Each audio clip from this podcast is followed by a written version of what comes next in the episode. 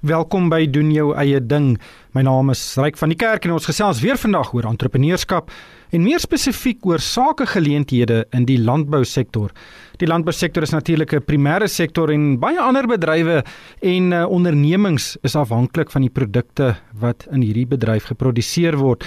Maar om in Suid-Afrika te boer is nie maklik nie. Daar's baie uitdagings, baie winde wat teen 'n mens waai polities as ook van die natuur en daar is baie baie risiko's betrokke wat suksesvolle boerdery nogal moeilik maak. Maar indien jy suksesvol is, kan dit natuurlik 'n baie goeie leefstyl verseker.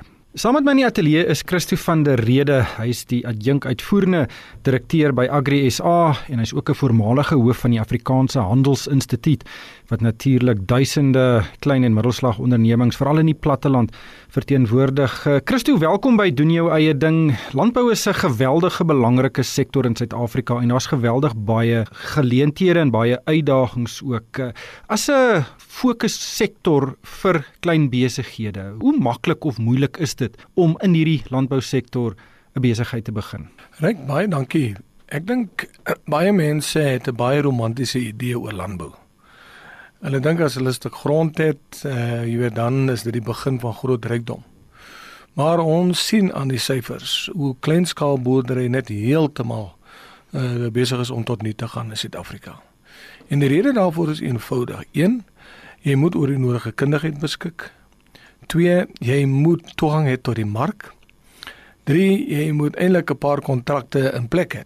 Laat jy weet jy gaan 'n inkomste kan verdien. En dan vierdens moet jy seker maak dat jy baie baie goeie bestuursvaardighede het.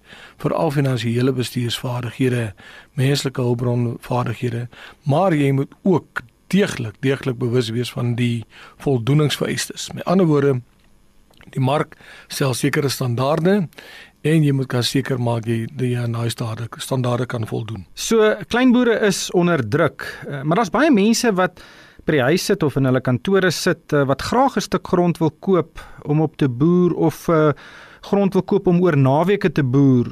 Maar wat jy nou sê is jy moet maar versigtig wees om om dit te doen. Ja, daai baie interessante sê ding. Uh as jy 'n klein fortuintjie wil maak in landbou dan moet jy met 'n groot fortuin begin. Daar's baie mense wat ons kontak en dan sê hulle man ek het 'n baie baie goeie werk hier in Johannesburg. Maar ek het 'n stuk grond iewers waar in Mpumalanga of in Limpopo of in die Oos-Kaap. Waar dink jy, kan ek begin boer? Dan sê ek man, bly weg van dit af. Dit is 'n voltydse werk. Jy moet 24 uur per dag op daai plaas wees. Nou ja, daar is baie uh, mense wat uh, maar boerdery bloot as 'n naweek uh, aktiwiteit bedryf en dis hulle goeie reg. Maar dis mense wat gewoonlik groot geld het. Jy weet dan jy gaan skiet 'n paar bokke oor die naweek of het iemand daar op die plaas wat 'n bietjie na die paar besies omsien en so aan. Maar as jy regtig baie ernstig is met boerdery, eerstens begin jy met 'n baie baie goeie verstaan van die mark. En die meeste suksesvolle opkomende boere, brein en swart boere wat ek persoonlik ken, dis gewoonlik mense wat baie aktief was aan die markkant. Hulle was of smouse of hulle het gewerk in die mark. So hulle verstaan wat is die behoeftes, wat is die vraag daar buitekant. Hulle verstaan ook hoe werk prysmeganismes ensovoorts. En dan werk jy op pad terug. Grond is gewoonlik die heel laaste ding wat jy eintlik in gedagte moet hê as jy wil begin boer. Uh want daar's verskillende opsies. Jy kan 'n stuk grond gaan huur. Baie mense huur liewer 'n stuk grond. Sê wag, laat ek eers die water toets. Ander uh, jy weet is gelukkig, hulle het erf dalk 'n stuk grond of ander kry grond deur middel van die uh restituisieprogram. Jy weet, uh, so daar's verskillende permutasies wat dit aanbetref. Maar die groot groot belangrike ding is jy moet verstaan hoe werk die mark, wat is die vereistes wat die mark daar stel. Jy moet verstaan hoe werk hierdie kontrakte, die leweringskontrakte en dan moet jy baie goeie kontakte hê binne in die kommoditeit sektor waar binne jy wil produseer byvoorbeeld ehm uh, jou skaap uh, boere weet hulle is of lid van uh, jy weet die nasionale wolkwekersvereniging en uh, hulle kry daar baie spesifieke hulp en ondersteuning. Of as jy moet grane wil boer dan behoort jy aan Graan SA as jy wil vrugte wil boer dan behoort jy aan Hotgrow soos verskillende kommoditeitsorganisasies uh, by wie jy moet aansluit sodat jy verstaan wat gebeur in die sektor. As jy kwelvrae het, dan stuur dit na hulle toe, hulle sal jou nodige opleiding gee of hulle sou die oplossings gee ensovoorts. Kom ons gesels oor grondhervorming. Nou land is 'n baie emotiewe onderwerp in Suid-Afrika. Daar's vir my heeltemal te veel politiek ter sprake wat eintlik onnodig is, maar vir swart mense is daar geleenthede om deur daardie program plase te kry. Nou daar is 'n persepsie dat baie van daai boere misluk. Uh, en ek dink uh, baie van daai boere misluk inderdaad, um, ongelukkig vir die verkeerde redes, uh, nie net uh, waai ekonomiese winde teen hulle nie, maar ook ondersteuningswinde. Um, is dit moontlik vir 'n swart persoon wat graag 'n boer wil wees, 'n kommersiële boer wil wees om 'n sukses te maak daarvan in die huidige omgewing? Kyk, ons moet onderskei tussen mense wat grond kry deur middel van die restituisieprogram en swart boere. Daar's 'n groot verskil tussen die twee. Ek kom op baie plase waar deur middel van die restituisieprogram aan mense oorgedra is. Gemeenskappe wat dalk grondeisers was of individue of wat ook al, jy weet. En ongelukkig, jy weet, as jy nie 'n boer is nie en jy kry daai grond, dan kan jy verseker wees dat daai plaas heeltemal tot stilstand gaan kom. Ek was nou onlangs in plase in die Zeerust omgewing, dis 'n hartseer gesig. Eens produktiewe plase is heeltemal teen die grond. Infrastruktuur heeltemal verwoes. Daar in die Bethlehem omgewing van die grootste appelplase, al daai toerusting in seile en nette wat gespan is, almal verniet. Daar gaan absoluut niks aan nie. Jy weet en dit het 'n enorme finansiële impak op die plaaslike uh ekonomie. Die eerste plek, eh, jy weet daai plaas koop sy ehm um, materiale, jy weet, sy toerusting van die plaaslike koöperasie. As jy daai geld uit daai koöperasie het neem, beteken dit dis net minder geld, minder werkskepping en 'n klomp ander goed. So die domino effek of die oorspoel effek van die goed is enorm. Maar die teenkant van daai muntstuk is dat daar's baie baie suksesvolle swart boere daar buite. Breinboere in die Weskaap doen baie baie goed want hulle het die passie, hulle het die opleiding, hulle verstaan wat gaan vir wat. Hulle is deel van daai kommoditeitsketting, waardeketting. Hulle word aan die hand gevat deur die groot kommersiële witboere en ons sien baie baie suksesstories. Uh swart boere, jy weet uh wat op groot skaal boer, jy weet is ook baie baie suksesvol en dieselfde goue draad uh jy weet wat vanaf die kommoditeit deurloop na die hulp op die plaas deurloop na die mark toe is ook daar uh, werksaam.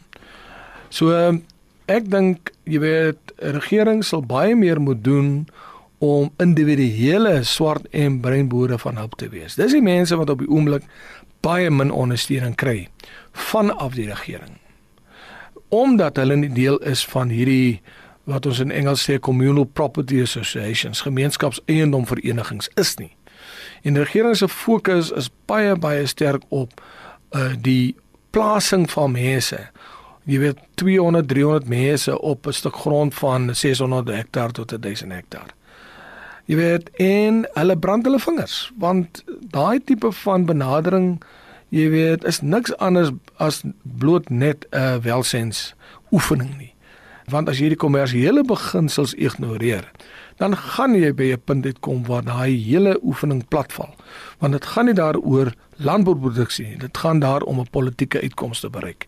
En die twee goed gaan nie hand aan hand nie. Ja, die sleutel is om die die boer op daardie plase te kry eerder as die individu. Ek gesels met Christo van der Rede. Hy's die adjunk uitvoerende direkteur van Agri SA en ook 'n voormalige uitvoerende hoof van die Afrikaanse Handelsinstituut. En ons gesels vandag oor sakegeleenthede in die landbousektor. Christo, ek was al 'n paar keer by die Nampo Oesdag wat elke jaar daar by Botawil in die Vrystaat aangebied word. Nou dis die grootste landbouskou in die suidelike halfrond en en baie boere besoek dit en is baie opvallend hoe boere saam staan en veral om inligting uit te ruil en mekaar raad te gee oor hoe om sekere probleme te oorkom. Eh, dis iets wat jy nie in ander bedrywe sien soos restaurante, supermarkte en uh volstasies byvoorbeeld nie. Ek neem aan dit is kritiek vir 'n nuwe boer om by so 'n netwerk in te skakel om suksesvol te wees. Kyk, daar's 'n paar baie baie goeie beste praktyke in die bedryf. Neem nou maar byvoorbeeld die wolkwekersvereniging. Hulle het so wat 4000 swart uh, wolboere in die Oos-Kaap. Al daai swart boere word ingedeel in studiegroepe. Daai studiegroepe staan onder leiding van 'n uh, kundige wat aan hulle die nodige kundigheid voorsien en ook aan hulle bepaalde rooi ligte uitwys en seker maak dat hulle bepaalde produksiestandaarde handhaaf.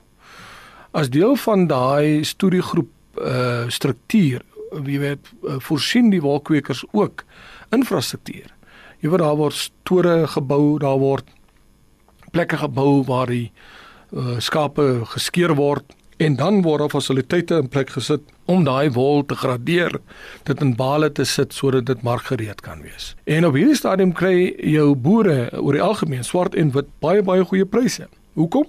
Omdat ons wolgraderings of klassifikasiesisteem, jy weet, so so met detail toegepas word.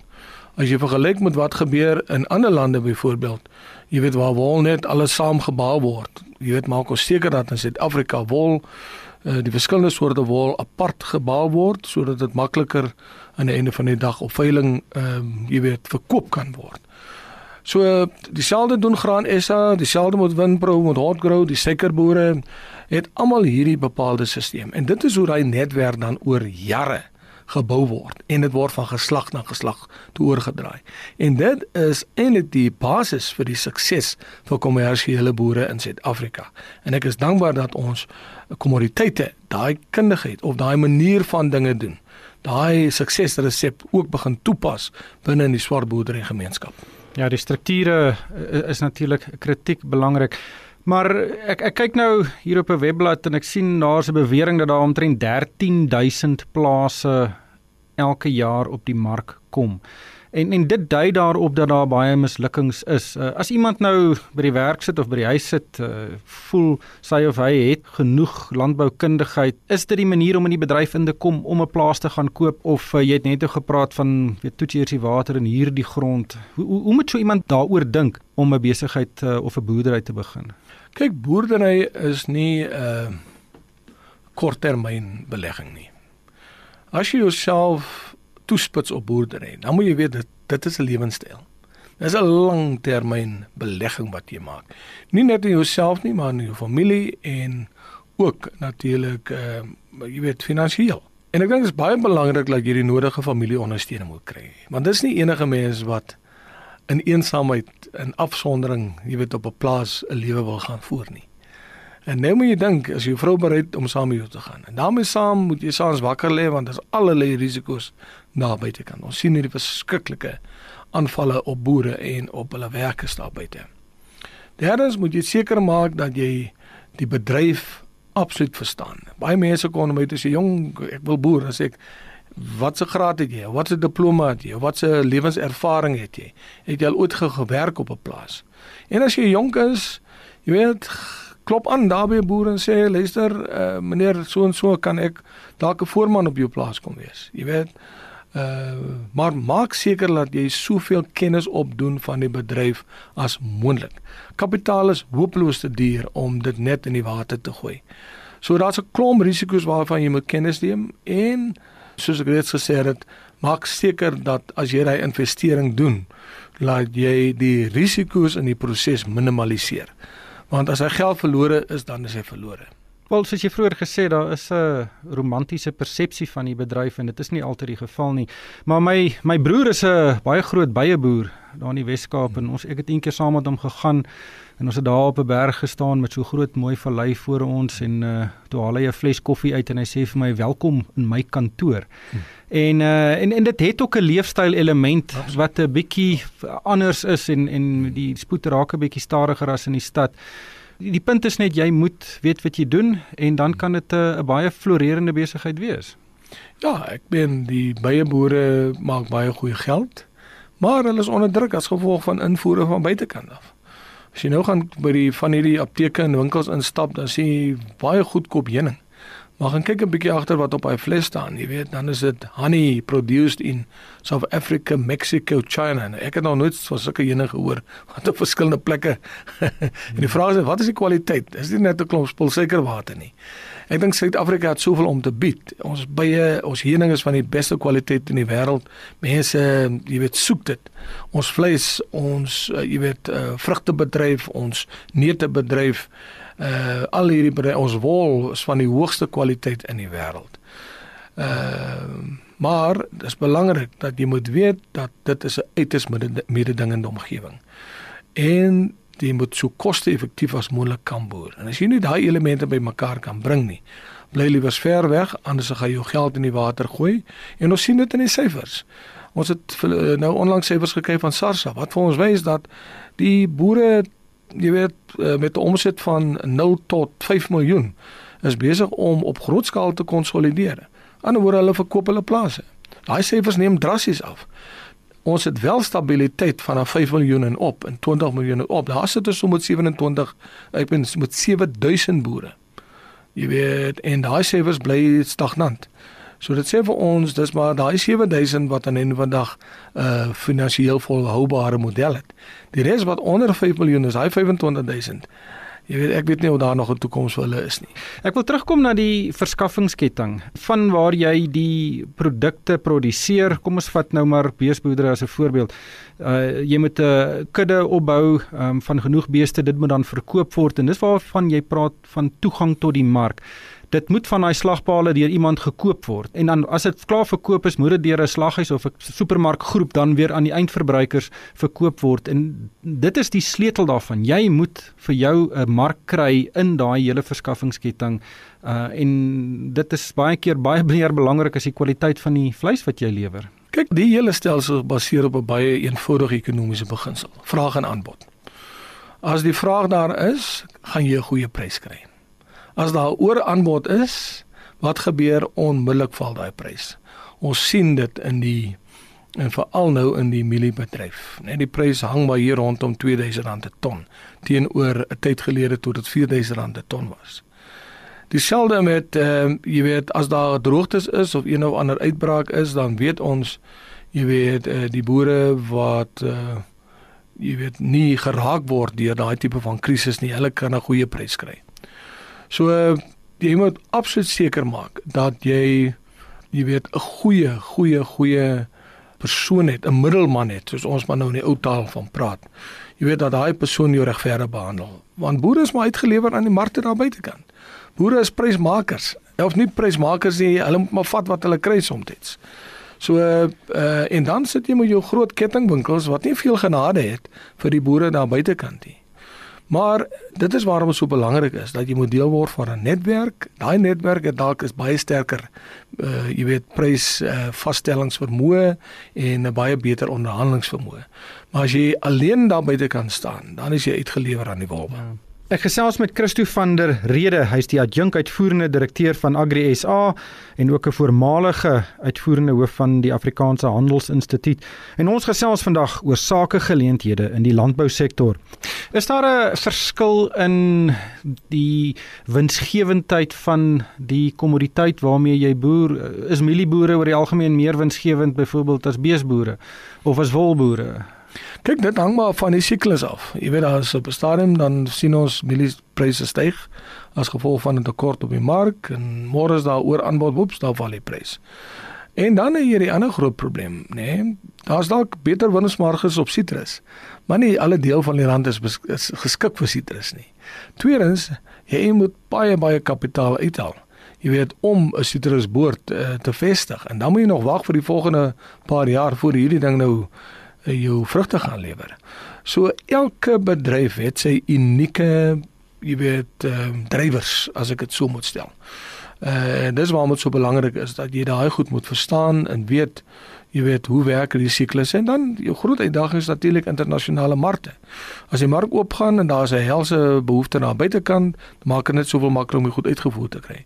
Maar dan sit jy met 'n klomp ander veranderlikes as daar 'n pes toeslaan toeslaan in jou boord as jy nie moeilik het. As daai lande aan die ander kant besluit die, eh, ons is in 'n handelsoorlog betrokke met Suid-Afrika en hulle stoot hulle invoertariewe op as jy nie moeilik het. En dan sê jy moet arbeidsonrus soos nou in die Oos-Kaap, jy weet wat byvoorbeeld aandring daarop dat lone verhoog moet word in die plikseisoen. Wat doen jy dan? So al daai goed vreet aan jou winsmarges aan die einde van die dag. Ehm um, en maar dit is waarom jy moet behoort aan georganiseerde landbou soos 'n instelling soos Agri SA. Ons het die kundiges wat jou kan adviseer, ons het die kundiges wat met regering in gesprek kan praat sodat ons die landbou sektor ten alle tye kan beskerm en vorentoe vat. Maar jy klink vir my 'n bietjie negatief. Uh, jy weet daar is groot uitdagings in enige bedryf. Uh, daar is risiko's ter sprake. Uh, maar as ek jou reg hoor dan sê jy mense moet maar versigtig wees om nou die landboubedryf te betree. Dis 'n moeilike bedryf om 'n suksesvolle besigheid op staan te maak.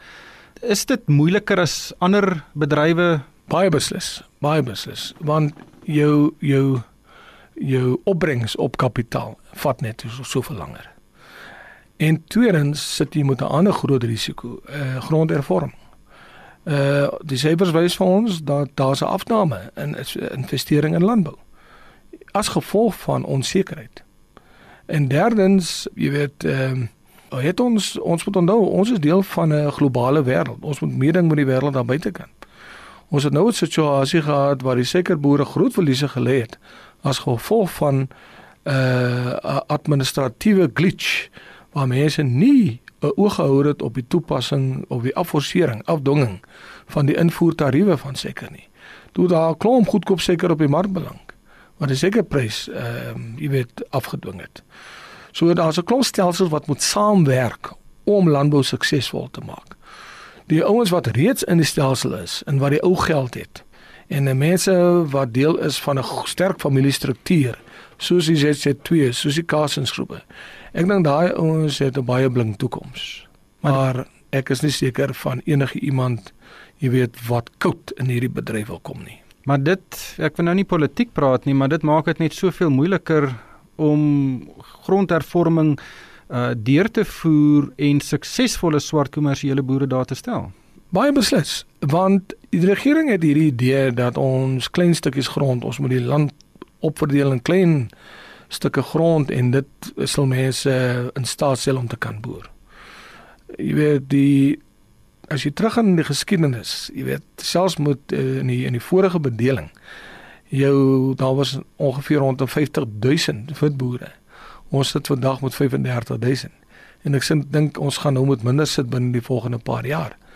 Uh so die die stelsel het 'n natuurlike jy weet ehm uh, filterings uh vermoë waar ons sien hoe mense as gevolg van die feit dat hulle nie uh jy weet kan of sukkel om te boer, hulle sukkel om wins uh, winsgewend te kan boer. Jy weet verkoop hulle maar 'n plaas. So wat ons sien is dat Afrika en ook in die res van die wêreld plase word groter. En tegnologie stel mense staat om groot plase te kan bedryf. Uh vir die opkomende boer dink ek 'n uh, groot stryd lê voor en ons moet besluit. Jy weet uh, hoe help ons daai boer en wat gee ons om om mee te kan boer want ek dink die uh, klein boer gaan werklik waar oorleef in 'n omgewing waar jy baie kapitaal moet insit om 'n uh, 5% winsmarge te kan maak nie. Wel, ek dink baie mense kyk na landbou soos jy eerste gesê het in 'n romantiese konteks, maar dit is 'n moeilike bedryf. Uh, dit is uh, kapitaalintensief. Daar is uh, markte wat uh, jy moet kan betree en dan is daar natuurlik die risiko's van 'n politieke en van 'n ehm um, weeraard byvoorbeeld en siektes en dis meer. So wees maar versigtig om miskien 'n loopbaan in landbou te oorweeg. Christo, baie dankie dat jy ingekom het vandag. Dit was Christo van der Rede, adjunk uitvoerende direkteur van Agri SA en ook 'n voormalige uitvoerende hoof van die Afrikaanse Handelsinstituut. Ongelukkig het die tyd ons ingehaal. 'n Potgooi van hierdie program sal later op die RSG en Moneyweb webwerf beskikbaar wees. Dit is rsg.co.za of moneyweb.co.za. Luisteraars is ook welkom om vir my 'n e-pos te stuur. My adres is ryk@moneyweb.co.za. En daarmee met ek groet van my ryk van die kerk. Dankie vir die saamluister.